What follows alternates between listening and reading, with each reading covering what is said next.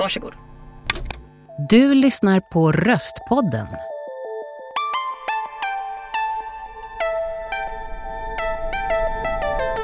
Det där är Katarina Evelöv. Människor som lyssnar på ljudböcker väljer inte bara utifrån författare, genre eller ämne. Ofta väljer de ljudbok efter vem som är röstskådespelare och de väljer bort böcker för att inläsaren inte passar deras smak. Men en person som verkligen blir vald av lyssnarna är skådespelerskan Katarina Evelöv. Hon är kort och gott drottningen av ljudböcker. Själv vet hon inte längre hur många hundratals böcker hon läst in. Hör Katarina berätta om sin egen studio som hon var rädd skulle krossa grannens barn. Valet att ge sig själv tillstånd att tolka en bok precis som hon själv vill. Take it or leave it. Och hör henne förklara hur alla böcker, men även pjäser, har ett specifikt sorts musikaliskt sväng. Norén är till exempel jazz. Hej Katarina Evelöv. Hej! Välkommen till Röstpodden. Tack så mycket. Jag är lite uppspelt. Du, man blir glad av dig. Var det inte din smoothie som du åt nej, nej, det var inte smoothie. Det, jag, jag lovar. Eh, jag tänker vi börjar med att presentera dig, fast många känner till dig. Du är skådespelare, spelerska, vad får man säga? Ja, man kan säga både och. Både och va? Spelar teater. Och skådis är lite förbjudet att säga va? Det tycker inte jag. En del är lite känsliga. Ja, jag vet. Ja, De mm. tycker att det är lite förklenande. Nedvärderande. Ja. Och då, eftersom jag är så ambitiös, har jag gjort research såklart. Eh, men du är anställd på Stockholms stadsteater nu Mm. och eh, varit det sedan 2005 tror jag. Ja, det kan nog stämma. Eh, och innan så var du, såg det ut som att du var på Dramaten. Jag vet inte om du var anställd eller inte. Ja, jag har varit här lite till och från. Ja, men sen är det jätteroligt när man går då på, in på IMDB, som det heter proffsigt. Då har ju du varit med i en massa filmer. Så här. Men en är, du är makeup-artist i Rederiet. Nej, det är så sjukt. Vad gjorde du då? Nej, det gjorde jag inte alls. Jag spelade makeup-artist. Och sen har det där blivit fel. Och jag minns att när jag upptäckte det där när jag var liksom yngre och lite ängsligare. Gud, bara Ja. de inte tror att jag inte är skådespelare längre, kommer jag ihåg jag tänkte. Nej. Det gick inte att ändra. Så jag står som actress and makeup artist. Ja, för makeup artist och sen också soundtrack. I, jo, i Pappas flicka, en soundtrack. Har jag då- gjort den? Ja. Jag tänk bara, Sjöng jag har den, många Ja. strängar på min lyra. Nej, inte i Pappas flicka sjöng jag inte. I annat har jag sjungit. Men varför då? Det är, så, ja, det är Ja, intressant, är spelar ingen roll. Data. Men just, eh, du är en väldigt trevlig människa, men varför du är här är inte på grund bara att du är trevlig, utan du är lite sådär drottning av inläsarna av ljudböcker i, i Sverige. Det är ju fascinerande. Och jag försökte, jag försökte ta reda på hur många ljudböcker som ligger uppe, eller som du har gjort. 2005 så var det över 200 ljudböcker. Har du koll på hur många det är nu? Inte en susning. Men det är många. Och du Ja. hamnar på alla tio toppe och, och omröstningar av inläsare och sådär. Du är Ja, väldigt omtyckt. Ja. Eh, och eh, 2015 så var fyra av tolv nominerade titlar i Stora ljudbokspriset inläst av dig. Mm. Och i år är det en som det är Nådastöten av Kristina Larsson. Det kan nog hända det. Jag har inte riktigt koll på det där. Jag vann ju något år eh, för bästa roman. Eller den här romanen eh, av Maj-Gull Axelsson. Jag heter Ja, inte just det. Miriam. Just det. Mm, Den ska vi återkomma till, den ska vi prata om. Eh, men faktiskt, eh, du får inte säga någonting riktigt än, utan vi ska, jag, jag försökte komma på någon som eh, kunde något om ljudböcker, som skulle få säga något om dig. Och ringde runt och dels var det inte någon som vågade och dels var det någon som sa Men vi hamnade hos den här kvinnan som eh, tycker så här om dig. Eh, eh, jag tror att när hon började läsa in böckerna så visste nog inte alla vem Katarina Evelöv var. Så jag tror inte det var kändisfaktorn som lockade. Utan jag tror helt enkelt att det var något slags mästerskap. Hon har dessutom en, eh, skulle jag vilja säga, neutral röst. Och sen eh, faller hon inte för möjligheten som många skådespelare gör när de läser in böcker att göra radioteater. Alltså radioteater är ju att man sänker och höjer rösten, man talar i 17 olika dialekter, man eh, pausar dramatiskt. Jag tror att ljudböcker ofta Ja, har en funktion som Amel, ja, precis. relativt Amelia avkopplande och då är det inte säkert att man vill ha Dramaten i örat. Ja, det var precis, du har precis nailat det. är Amelia Adamo. Ja. Och hon är tydligen sedan många år tillbaka en jätteentusiast med ljudböcker. Ja. lyssnar på mycket och lyssnar mycket på poddar nu. Så hon var så glad att få säga, hon tycker du är så bra. ja, vad roligt. Men eh, hur, känns, hur, hur känns det att vara så himla poppis? Hur reflekterar du över det? Vad ska man svara på det? Man är Ja. väl bara väldigt ödmjukt eh, tacksam för bifallet. Mm. Eh, det känns väl väldigt roligt att, att man når ut, för det är väl det mitt yrke handlar om. Vare sig jag står på scen eller gör film eller läser upp text, prosatext, så här som man gör i en bok. Man vill nå fram. Ja. Och varje bevis på det är en stor glädje. Du började, i, din skola berättar du eh, var egentligen Synskadades riksförbund. Ja. Kan du berätta om det? Ja, visst. Jag är så tacksam för det där. Ehm, Jag eh, sökte till Teaterhögskolan. Jag var 20 år gammal. Mm. Och jag pluggade lite på universitetet och sådär och jobbade som hemsamarit, som det hette, på hemtjänst. Och då var det en kille där som tyvärr hade drabbats av diabetes och blivit blind mitt under en brinnande eh, utbildning till journalist på Journalisthögskolan. Mm. Så förutom att jag gjorde mina sysslor hos honom så frågade han mig ibland om jag inte kunde läsa upp någon text han hade skrivit på en sån här brailleskrivmaskin. För att kolla att han ville ha det Han ville korv. Mm. Ja, korv. Mm. Och så gjorde jag det. Och, och, och då så uppmuntrade han mig. Så du läser bra. Jaha, okej, tack. Jag tycker du ska söka Synskadades riksförbund. Vadå? Ja, de gör böcker och sånt. Jaha, ingen aning. Mm. Och då sökte jag dit. Eh, och man gjorde ett ljudprov där och ja, gud, tänderna skallrade på mig. Jag Ja. var så nervös. Och jag var så trött på att gå och städa. Eh, så att jag hoppades ju så att jag skulle få något annat gig där. Och så fick jag det.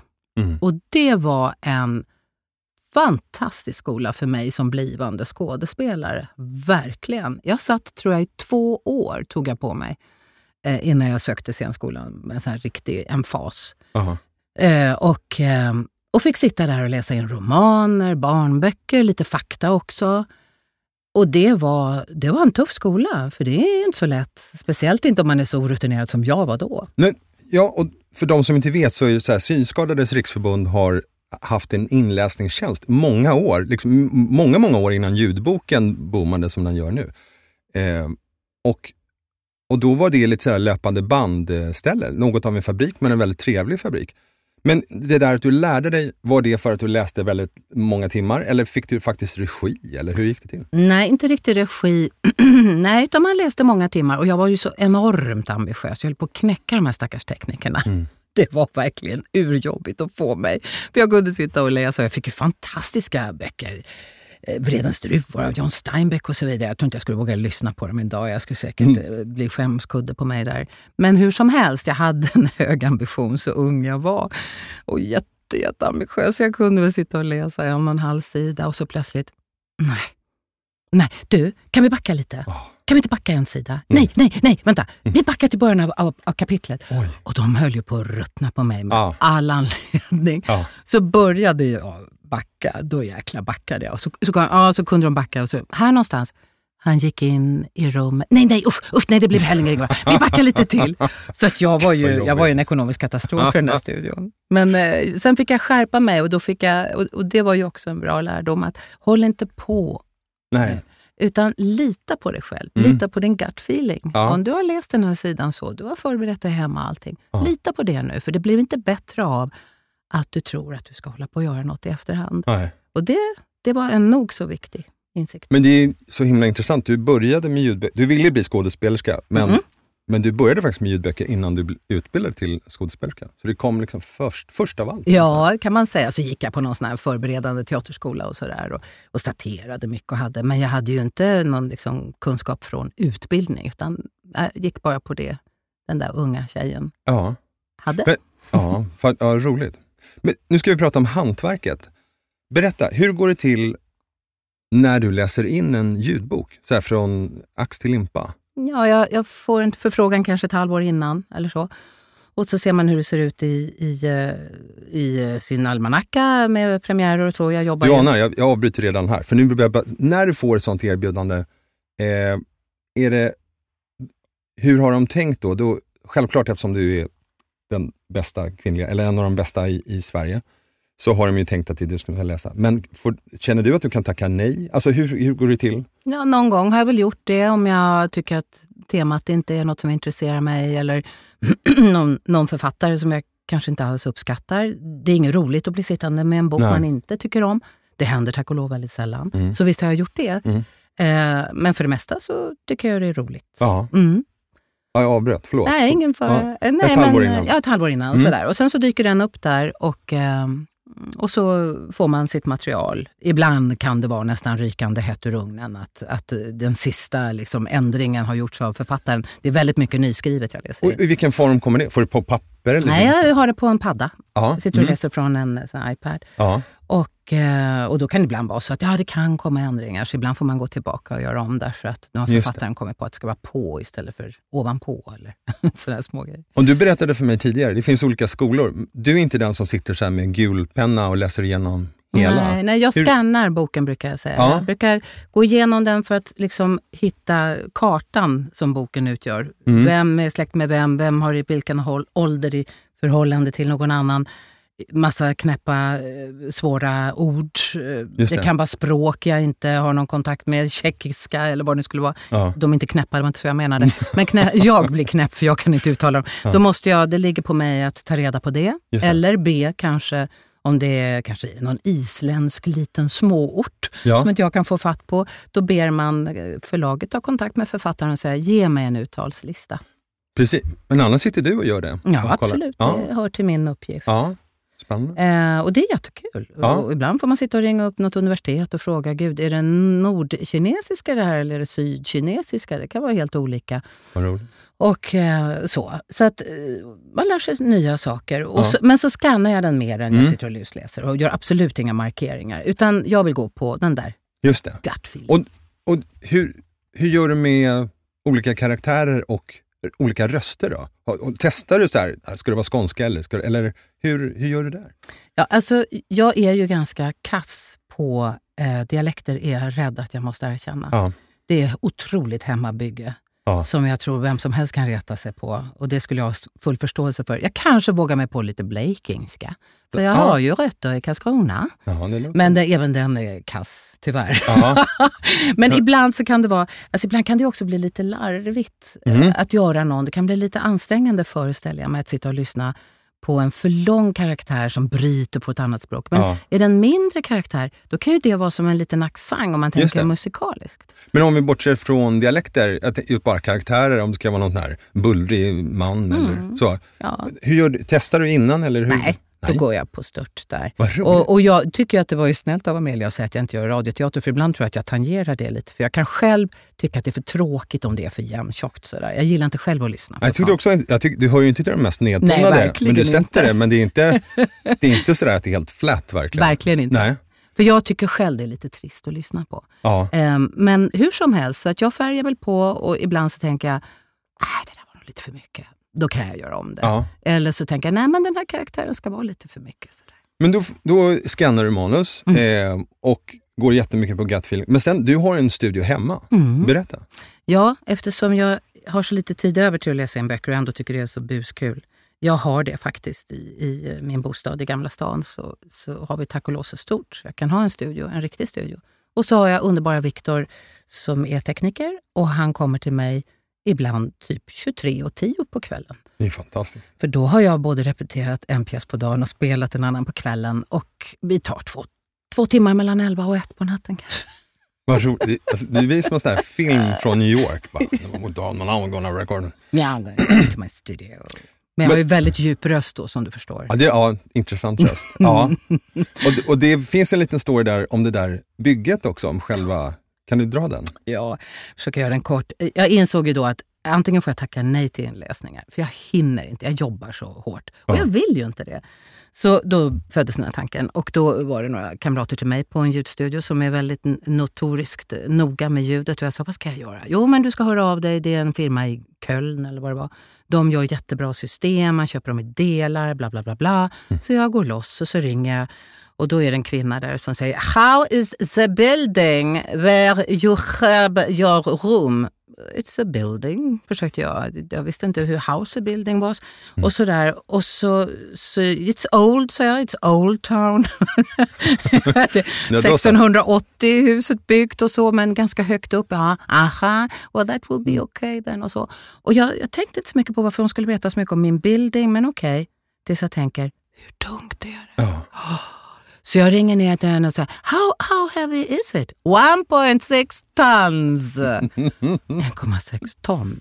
Varvid jag febrilt, och nu är alltså hela åbäket på väg upp genom Europa i en skänker lastbil. Precis, du har redan bestämt dig. Jag har redan bestämt mig. Jag börjar ringa runt till eh, byggherrar, till arkitekter och säger, du jag tänkte bara fråga en sak, om man skulle ha en sak som är 4 gånger 4 meter och som kanske väger 1,6 ton typ och har en lägenhet typ, är, det, är det för tungt tror du? Och då var det ju tillräckligt många som sa, "Mm, nej, det tror jag. Och, så, och i det där drag, Mm. utdragna Tveksamma. vokalerna och Mm. konsonanterna så hann jag dö. Mm. Och jag sa, men du, du tror det alltså? Mm, nej. Okej, nästa får jag ringa. Och det var samma sak. Sa du 1,6? Ja, Nej. Men jag kom äntligen till en som räddade mig. Han sa så här, men tänk på akvarier. Mm. Sådana här tusen liters akvarier, det är på en väldigt liten yta. Om inte det åker rätt genom bjälklagret, då när du då har en så pass stor sak. Ja. Och det har gått bra hittills. Jag har inte dödat några grannar. Men åh vad nervös vad jag var när jag såg den komma, den där jäkla ja, för du är byggt som en litet hus i ett hus. Eller I en etta, ja, precis har jag byggt ett, eh, ett, en egen liten etta i en etta. Fascinerande. Viktor kommer, ni ska spela in. Mm. Ja, hur gör du då? då? Är, är, är det vattenglaset, tekoppen? Jajamän, det är rooibos-teet och Roy- det är vattenglaset Ja, och eh, sköna tofflor. gör, och tofflor. Mm. Ja. Har du någon dress? Kan man vara klädd hur som helst? Eller? Man kan vara klädd, det Ja. precis, inga gränser för hur jag kan se ut när jag läser. Ni ska veta det när ni lyssnar på mig. Ja. Jag är utklädd till giraffer. Ja. Men, och sen, eh, gör du uppvärmning innan?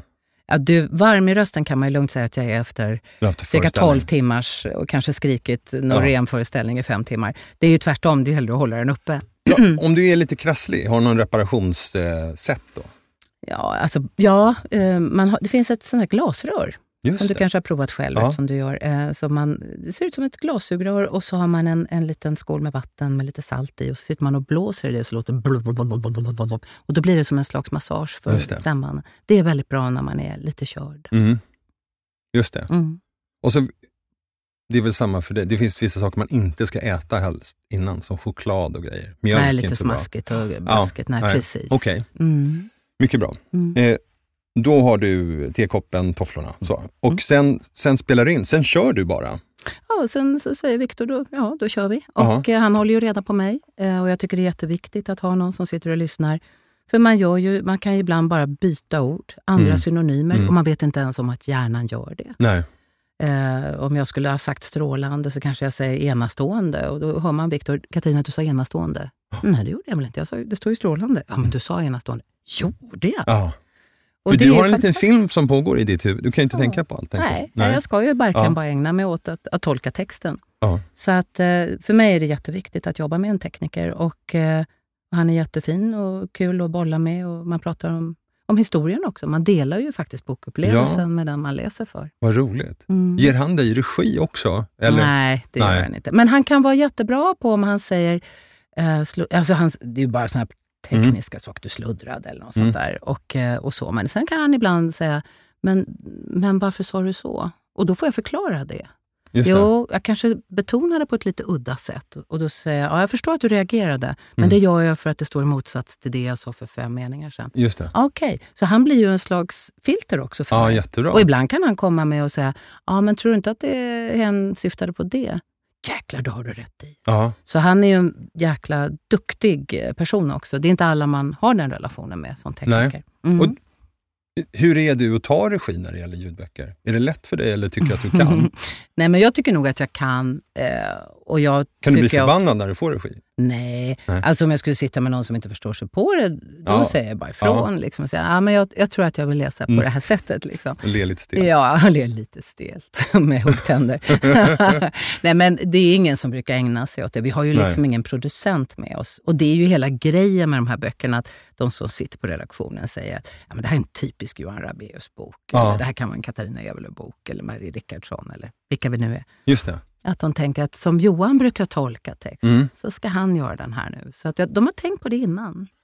Ja, men det är ju respektfullt och fint, men jag tänker om det är någon ny eller så här, som ändå ska komma in och tycka eller någon ny spelare, så här, det förekommer inte? Nej, för att en tekniker vet ju, den tar ju hand om den delen. Liksom. Ja, men tekniken förstår jag, Ja. men jag tänker sen kanske från förlaget att de har åsikter. Du slipper nej, det. de väl, nej, men Mm. det, det funkar inte riktigt så. Utan Nej. det är verkligen så att de får förtroendet från författaren, antar jag. Ja. Att, att ge förtroendet till mig eller någon annan att förvalta författarens text. Ja, I bästa fall så tycker författaren som redaktören. just det. Mm. Och du pratar om inläsning som, som musik mycket. När du och jag pratades vid igår, du pratade om Norén som jazz till Ja. exempel. Kan du förklara, vad menar du med det? Nej, men jag tycker att all, all text är musik för mig på något vis. Och att den där musiken talar till en i samma ögonblick som man fäster blicken på, på den. Ehm, och att när man pratar om att, att det svänger på scen, det är ju faktiskt ganska bokstavligt talat. För att en omusikalisk tolkning av vare sig det är en bok eller en text eller hur man agerar tillsammans eller så, det blir ju platt. Mm. Så att man måste vara lyhörd för den. Och ibland kan man nästan känna sig lite förslavad under en text för att eh, någon text som kanske är lite mer staccatoartad med korta meningar, hela tiden så är det påståenden nästan, för de är Mm. så pass korta meningarna. Eh, då blir man lite slav under det Ja, och tänker att det hade varit bättre om det var ett kommatecken här, om jag drog ihop två meningar. För det skulle vara mer lyssningsbart. Mm. Det gör sig bättre att, att läsa till när det ser ut så här. Och då ibland så kan jag sitta och kanske ibland ta mig den friheten, för jag måste ju vara samtidigt lojal mot författarens avsikt. Liksom. just det. Men det är ett roligt, eh, ett roligt eh, meckande Ja, faktiskt. Ja, det är lite som att jag ska snacka fotboll med Zlatan. Men jag läste in några böcker. Mm. Och då, eh, jag har haft både tur och otur, men just om, apropå rytm och flyt i texten så är det ibland väldigt som en trummis som räknar en, två, fyra. Och alla Ja, kommer ur visst. spel. Liksom. Ja. Eh, det är jättestor skillnad på om det är välskrivet eller inte. Eller hur? Och det behöver ju inte alltid ha just att göra med om det är en bra bok. Nej, Utan, verkligen. Eller hur? Utan det är bara hur det passar för den mänskliga rösten Ja. eller hur länge en, en utandning varar. Ja. Så att man inte måste låtsas att man har syre medan man egentligen borde ha syrgas därför att meningen var så lång. Exakt. Och, och man vill inte liksom förvanska författarens mening. Nej. Och då måste man skapa de där små egna pauserna. Mm. Och det är ju som att spela boll faktiskt. Därför Mm, man måste göra snabba val hela tiden. Ja, ja verkligen. Och Spela då får, man- då ja. får man lita på, lita på musikaliteten i sig själv som möter Men då är du, spelar du eller sjunger du? Är du intresserad av musik så? Oh ja. Ja. Ja, jag spelar inte, jag sjunger. Du sjunger Mm. och, och gjort det? Ja, Jaha, vad roligt. Vad sjunger du helst? jag tycker det är kul att sjunga jazz just. Ja, vad Men jag har gjort Tolvskillingsoperan ett par gånger och förra hösten var jag nere och gjorde Spelman på taket på Malmö Opera. Mhm. Så jag tycker det är roligt. Mm. Jag ser mig inte som en sångerska. Jag ser mig som en skådespelare som sjunger. Ja. Det tycker jag är en stor skillnad. Men jag tycker det är jätteroligt. Så musik är viktigt. Just det. Så då finns det någon slags eh, sväng eller ljudbild Mm. inbyggt i boken som du läser? Ja. Ja. Och den berättar ju det för mig. Så Just det. jag, aha, det här var inte jazzigt. Det här var lite mer marsch. Det här är, pff, pff, det bara Ja. ska framåt hela tiden. Och, och då måste man göra det utan att det känns som att man pushar. Just. Mm. Har du, något, eh, har du någon bok som varit extra rolig att läsa? Just utifrån den, det perspektivet? Ja, ja, ja det är svänget så, liksom. Svänget, ja. Eh, Ja, man tar en av mina absoluta favoriter då, som vi dessutom ska återvända till. Det är Mm. Maj-Gull Axelsson, som jag tycker är en fantastisk författarinna och som är så rolig att få, få göra ljudbok av. Eh, hon har någon, hon har någon naturlig, något naturligt sväng, förutom innehållet, Just det. som gör det dubbelt njutbart att Ja. få läsa det. Och det var min nästa fråga. Just det där hur du blir berörd av böcker som du läser. För den pratade vi om just, den Axelssons eh, eh, Jag heter inte Miriam. Nej, jag heter inte Miriam, som du blev jätteberörd av. Berätta. Ja, det är ju en så... jag, jag rekommenderar alla att läsa den. Ehm, ja, det handlar om en kvinna som vaknar upp en morgon på sin 80-årsdag, tror jag. Och så plötsligt så säger hon, jag heter inte Miriam. Och hennes man och hennes styvbarn bara tittar på henne. Men det gör det väl? Hon tänker väl att hon börjar bli senil. Nej, jag heter inte Miriam. Och då får man sen i tillbakablickar följa henne. Hon är rom Och hon hamnar i koncentrationsläger under andra världskriget. Mm. Och av en händelse under en transport så dör en flicka i en av de här fruktansvärda tågen. Och hon inser att hon till och med inom ramen för det här vansinnet ligger längre ner eh, rent statusmässigt. Ja. Att det inte är bra för henne att vara rom. Det är bättre att vara judinna. Ja. Så någon sliter av här, den här döda flickan sin särk och byter den på henne. Och hon tar hennes identitet. Mm. Hon hette Miriam, den flickan. Ja. Och så får man fantastiska växelkapitel mellan nu och då. Mm. Ehm, uppleva hennes fasor då och hennes liv nu. Och den tar upp så många saker samtidigt. Och hon har byggt eh, de här personerna då som, som finns i boken på vittnesmål. Och det tycker jag är så modigt av henne, men hon är ju en modig författarinna också, Ja. att ge sig i kast med det. Att göra personer av vittnesmål. Eh, och det är ju ofattbara fasor. Jag blev väldigt berörd. ja, för du berättade att du fick ta pauser bara Mm. för att andas ibland. Ja, för att sitta och grina av Ja. mig faktiskt. Ja. Jag grät. Ja. Och, och det är ju också en väldigt viktig sak, att Katarina får inte slaska över på uppläsningen. Liksom. Jag, ska, jag ska bara lämna över den. Ja. Och, Är inte det en sån, jag är inte skådespelare, men en skådespelarprincip att det är inte viktigt att jag känner utan jag ska få publiken att känna. mm, exakt. Och hur går man den vägen? Den är väldigt, väldigt balansakt. Eh, ja, det kan jag tänka. Och, ehm, men den, som sagt, den grep mig så. Och den är också en ljus bok. Och, och den, är en, den, den, liksom rör sig mellan det värsta värsta naturligtvis med Au- Auschwitz och Mm. allting. Till triviala problem som de här nutida kapitlen handlar om. Med människor runt omkring henne då. Ja. eh, Med sina små och stora bekymmer. Så hon, hon rör sig i att vad det är att vara människa. Och, Ja. och hur olika våra livsstigar, liksom, hur man går dem och vad, vad, vad föds man till och så vidare. Så att, att när man kommer i de där mörkaste partierna som hon gör med en sån känslighet, jag var bara tvungen att... Jag kunde inte fortsätta läsa. Nej. Mycket fin bok. ja, Mm. fint. Mm. Jag, ska, jag ska läsa den. Jag har inte gjort det. Mm. Men om det toppade liksom eh, att det var fantastiskt att bli berörd, Mm. har du böcker ibland som du inte... Är det det värsta, att inte bli berörd alls eller, eller att bli lite så här förbannad? Eller liksom, vad, vad är andra ytterligheten mot det där? Ja, det, är ju, det är ju förbaskat trist att sitta och läsa in något man inte tycker är bra. Nej. Och det händer ju någon gång Ja. emellanåt. Ja. Eh, det är ju, det är ju Skojsar du svårt. till det då? Nej, och, nej, Och gör gud. figurer och börjar skrika? Nej, nej.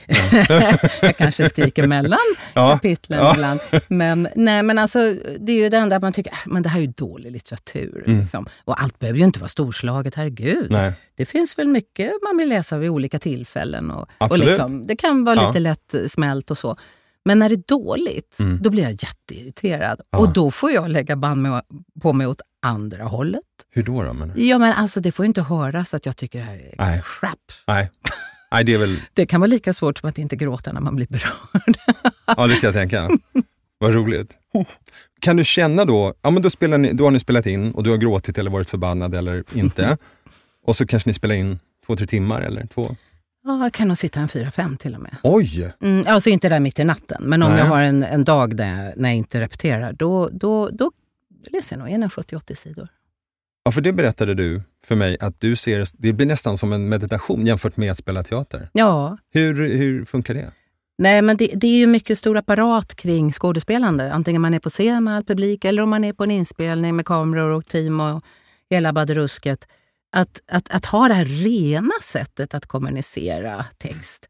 Att ta just sitt lilla glas vatten och sätta sig ner och det är bara stilla frid och tyst omkring en. Mm. Och så har man en text. Då, då är man ju vid den där lägerelden som jag tror vi alla har i vårt DNA. Ja, Och att bara få berätta utifrån det, utan allt det där surret, det är nästan meditativt för oss skådespelare.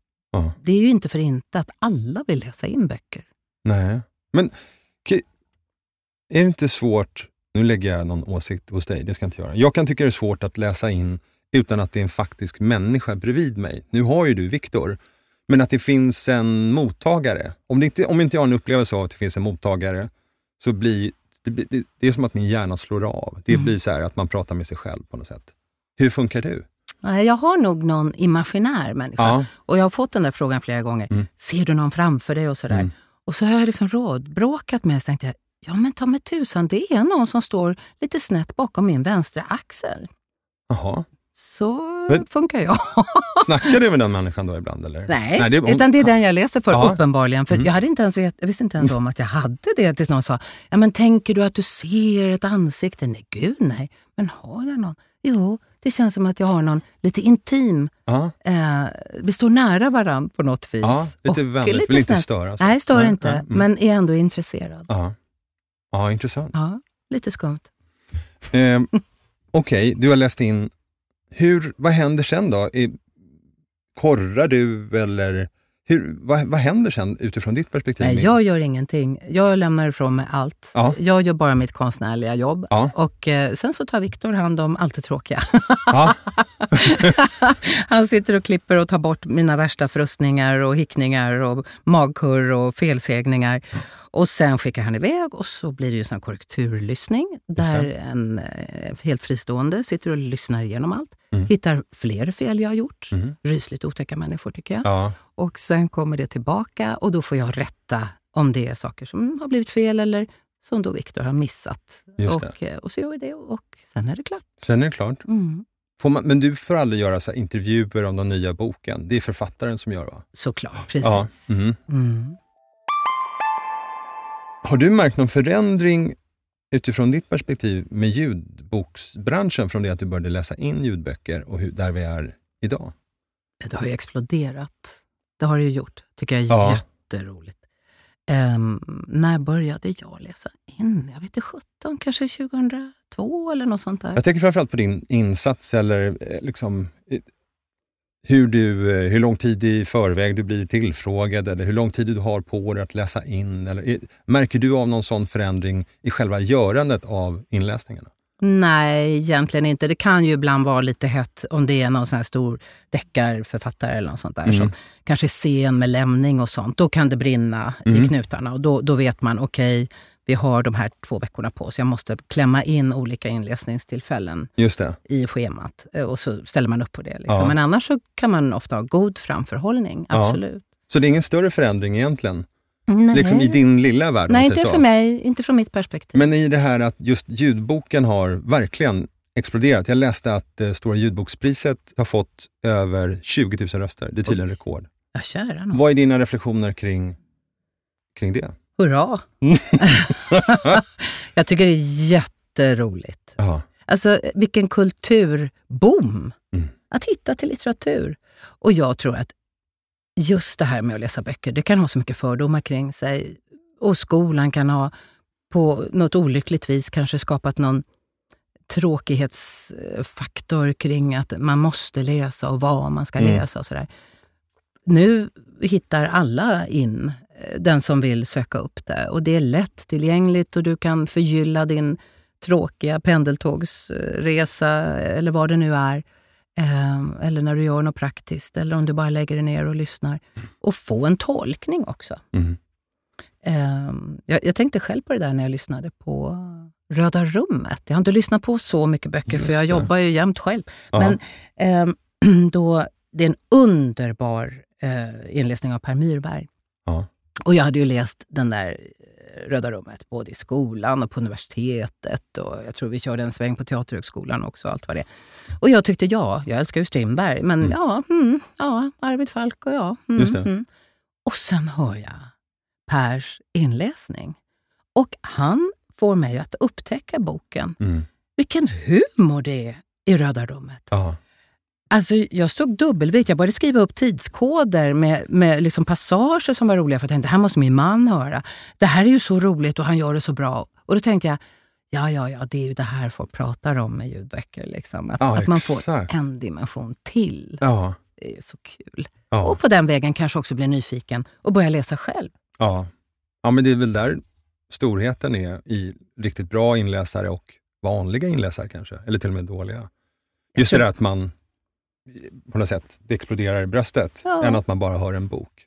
Ja, visst, såklart. Ja, Det är, ju, det är ju liksom att, att, överlämna, att överlämna texten till någon att lyssna på. Sen har vi ju preferenser. Det behöver inte handla om bra eller dåligt. Det kan handla om att jag vill alltid att böckerna ska läsas in på ett speciellt sätt. Eller nej, jag vill ha det på det här sättet.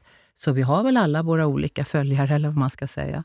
För, får du några reaktioner från läsare så? För jag vet att det finns människor som väljer ljudböcker på grund av inläsare, kanske inte så mycket böckerna. Också för att de brukar läsa en viss genre. Men har du någon kontakt med läsare? Så? Ja, jag får ganska mycket kontakt. Ja. Ja, det är Vad är det för slags kontakter då? Ja, de är ju väldigt gulliga. De vill tacka och Ja, tycka verkligen. det är bra? Ja, absolut. Så det är ju hemskt gulligt. Och det är återigen som med Amelia här, att det är så roligt att förstå att man når fram. ja, verkligen. Ehm, så att, eh, nej men det är hemskt kul faktiskt. Ja. Mm. Du är ju svår med röster. Du är ju lite så yrkesskadad. Eh, Du berättade för mig att du inte eh, riktigt klarar av människor med jobbiga röster. Be, be, berätta om det du kan berätta. Eh, nej, men alltså, jag har någonting att om jag hör en väldigt spänd röst, då börjar mina stämband röra sig eller något. Så att jag sitter och harklar mig hela tiden. Jag tror inte jag är ensam om det här fenomenet. Ja, men ni vet, alltså, det finns ju vissa röster. Jag ju profileringar på en röst, det har jag inga problem med. Jag kan ju berätta mycket om den människan, alltså helt eh, amatörpsykologiskt. Ja, ja, så att ja, jag ja. är, du är inte ensam. Nej, ja. men eller men hur? fortsätt. Ja. Nej, men jag, jag vet, det var någon jag, jag träffade i något sammanhang.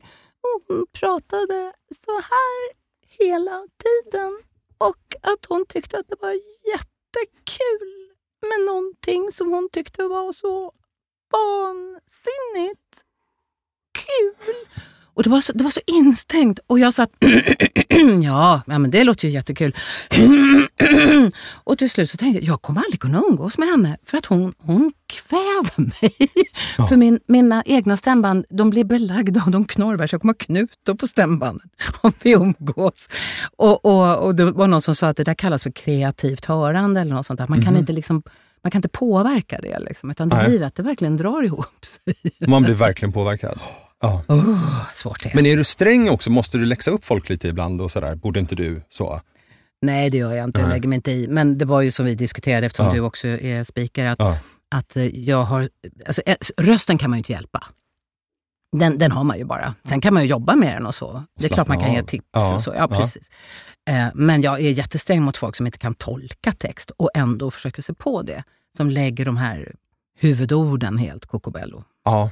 Det står jag inte ut med. Kan du ge något exempel? Kan du göra det bra? Eh, Ja, men om- om man hör, eh, ni vet, underbara naturprogram eller någonting. Och då kanske det är att örnen flyger ut över fältet för att, för att leta efter någonting, att, ett byte att slå ner på. Då, då kanske de läser som att örnen flyger ut över fältet för att leta efter någonting att slå ner på. Eh, nej, jaha. Alltså örnen flyger istället för att hoppa då eller någonting. Det är väl att den flyger ut över fältet Ja. för att hitta någonting att äta. Mm. Det är ju det här med huvudordet. Vart syftar meningen? Mm. Och sitter man ett tag och bara stirrar och förstår inte vad var det för fågel till slut för att huvudorden ligger så fel. Och Eller trots hur? att man har en åtta meters jätteörn framför sig i bild och undrar vad handlar programmet om? Då är något fel. Mm. Jag är lite elak nu, men jag... Ja, men det, det kan man väl få vara.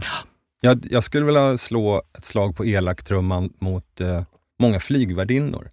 De, Ja, de har samma melodi. Ja, det är, ja. Det är We are now speciellt. bound for Gothenburg. Ja, Ja, precis. eh, och läser väldigt fort.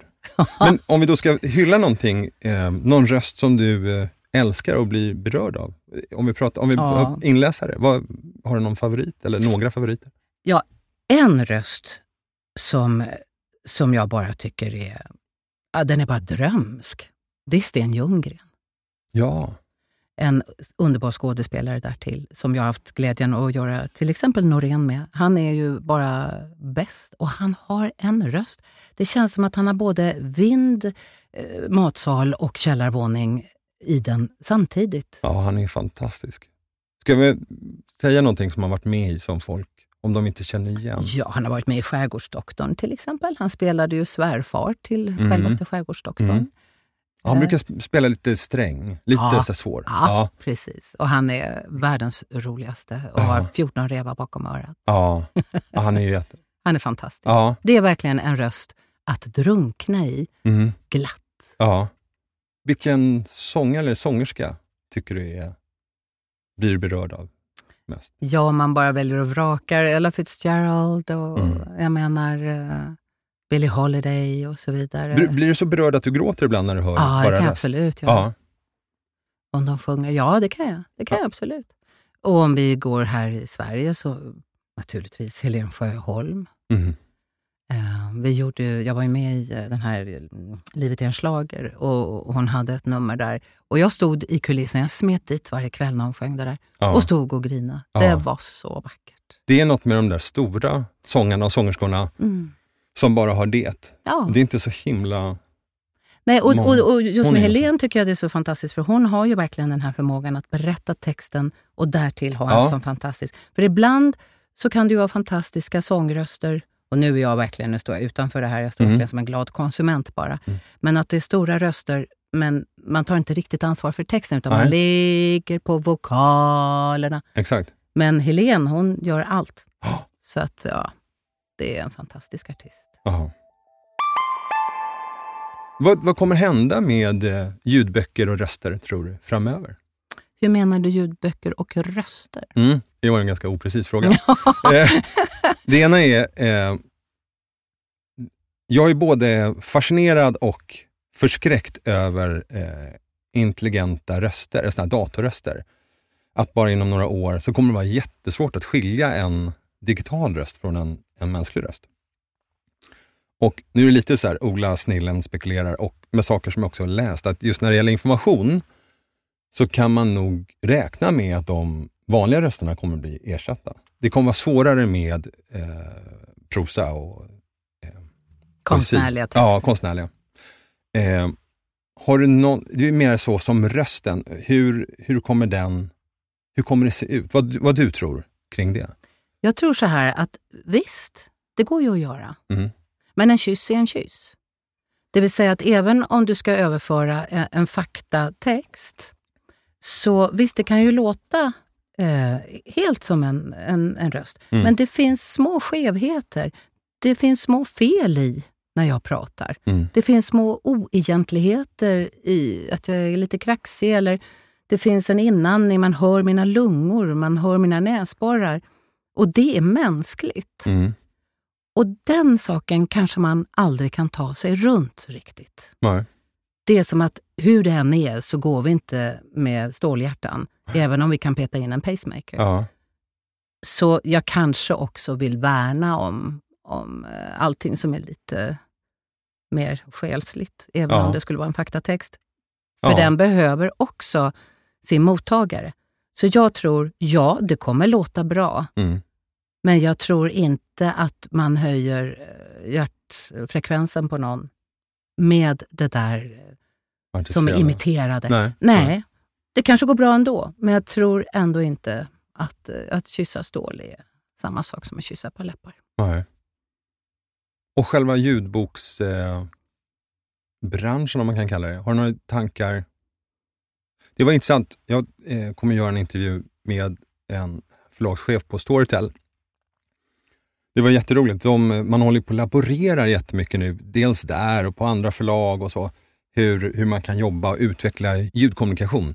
Och då visar det sig att ändå att, att människor vill lyssna på en berättare, man vill inte ha flera i, i boken. En berättare, inga ljudeffekter. Lite som att gå in i så här, världens största glassaffär som har 400 smaker och bara, jag vill ha vanilj. Men samtidigt så fint på något sätt att det är det vi vill ha. Ja, eller hur? Det är något ursprungligt tror jag. Att, Ja. att om, vi, vi kan ju ha hela den här karusellen om vi vill.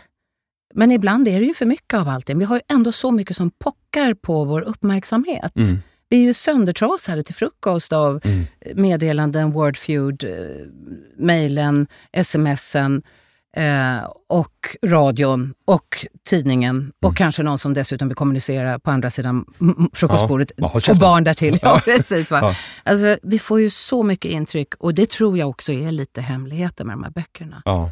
Att det är så otroligt skönt med det här stilla berättandet.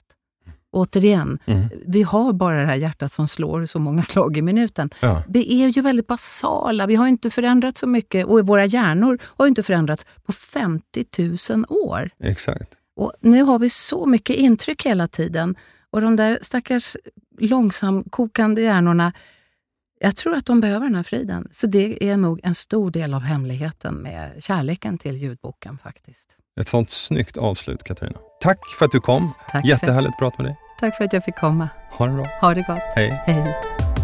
Du har hört Röstpodden. Programledare var Ola Ringdahl, ljudansvarig var Amanda Runestam och denna podd produceras av Online Voices, proffs på ljud och röst på alla språk. Gå in på röstpodden.se om du vill lyssna på fler avsnitt eller läsa mer om programmen.